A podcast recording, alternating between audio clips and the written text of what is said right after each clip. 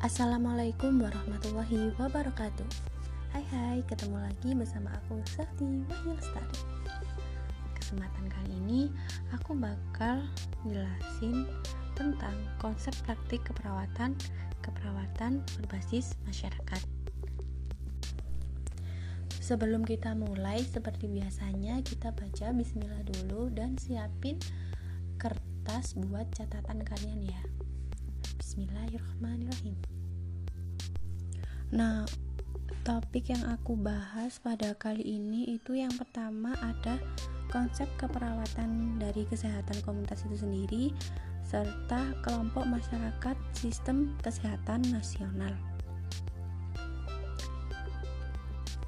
Langsung aja pada materinya. Dalam sistem kesehatan nasional atau biasa disebut dengan SKN, ditetapkan subsistem upaya kesehatan yang terdiri dari dua unsur utama, yaitu upaya kesehatan perorangan atau UKP dan upaya kesehatan masyarakat atau UKM. UKM terutama diselenggarakan oleh pemerintah dengan peran serta aktif masyarakat dan swasta, sedangkan UKP dapat diselenggarakan oleh masyarakat swasta, dan pemerintah. Penyelenggaraan upaya kesehatan harus bersifat menyeluruh, terarah, terencana, terpadu, berkelanjutan, terjangkau, berjenjang, profesional, dan bermutu.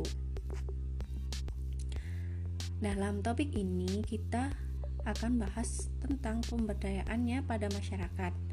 Sistem kesehatan nasional hanya akan berfungsi dengan baik dan optimal jika telah didukung oleh pemberdayaan masyarakat. Hal ini sangatlah penting agar masyarakat dapat mampu dan mau untuk berperan serta dalam pembangunan kesehatan yang sedang diupayakan oleh pemerintah. Keberhasilan yang didapat oleh pembangunan kesehatan di Indonesia ini juga tidak terlepas dari adanya partisipasi yang aktif dari masyarakat. Nah, menyambung pada topik ini, kita akan bahas konsep keperawatan kesehatan komunitas.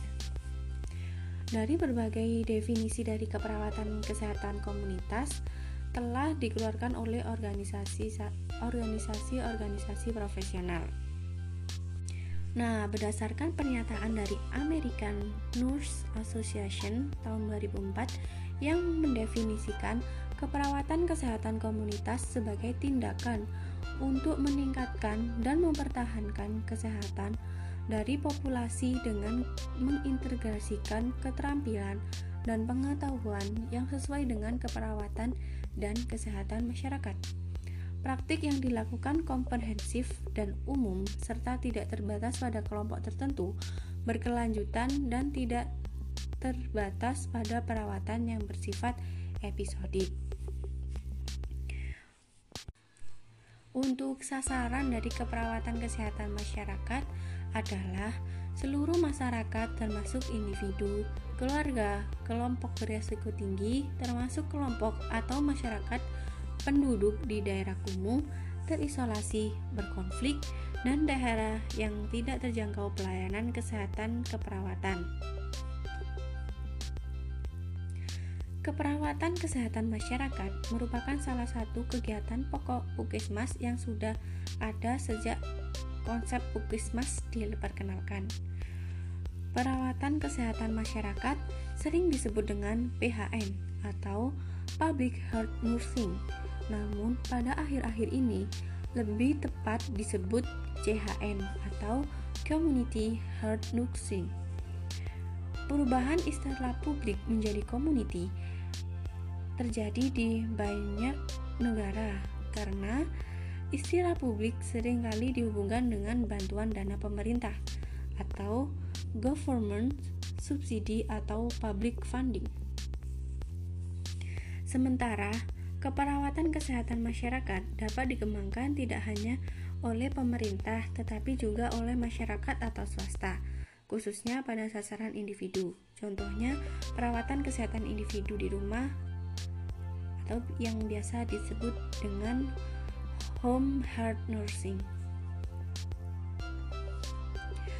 Menurut Depkes tahun 2006, pelayanan keperawatan kesehatan komunitas dapat diberikan secara langsung pada semua tatanan pelayanan kesehatan, yaitu di dalam unit pelayanan kesehatan atau di rumah sakit, di puskesmas yang mempunyai pelayanan rawat jalan dan rawat inap. Yang kedua, di rumah, contohnya yaitu home care. Yang ketiga, di sekolah, adanya perawatan sekolah dapat melakukan perawatan sesaat atau daycare.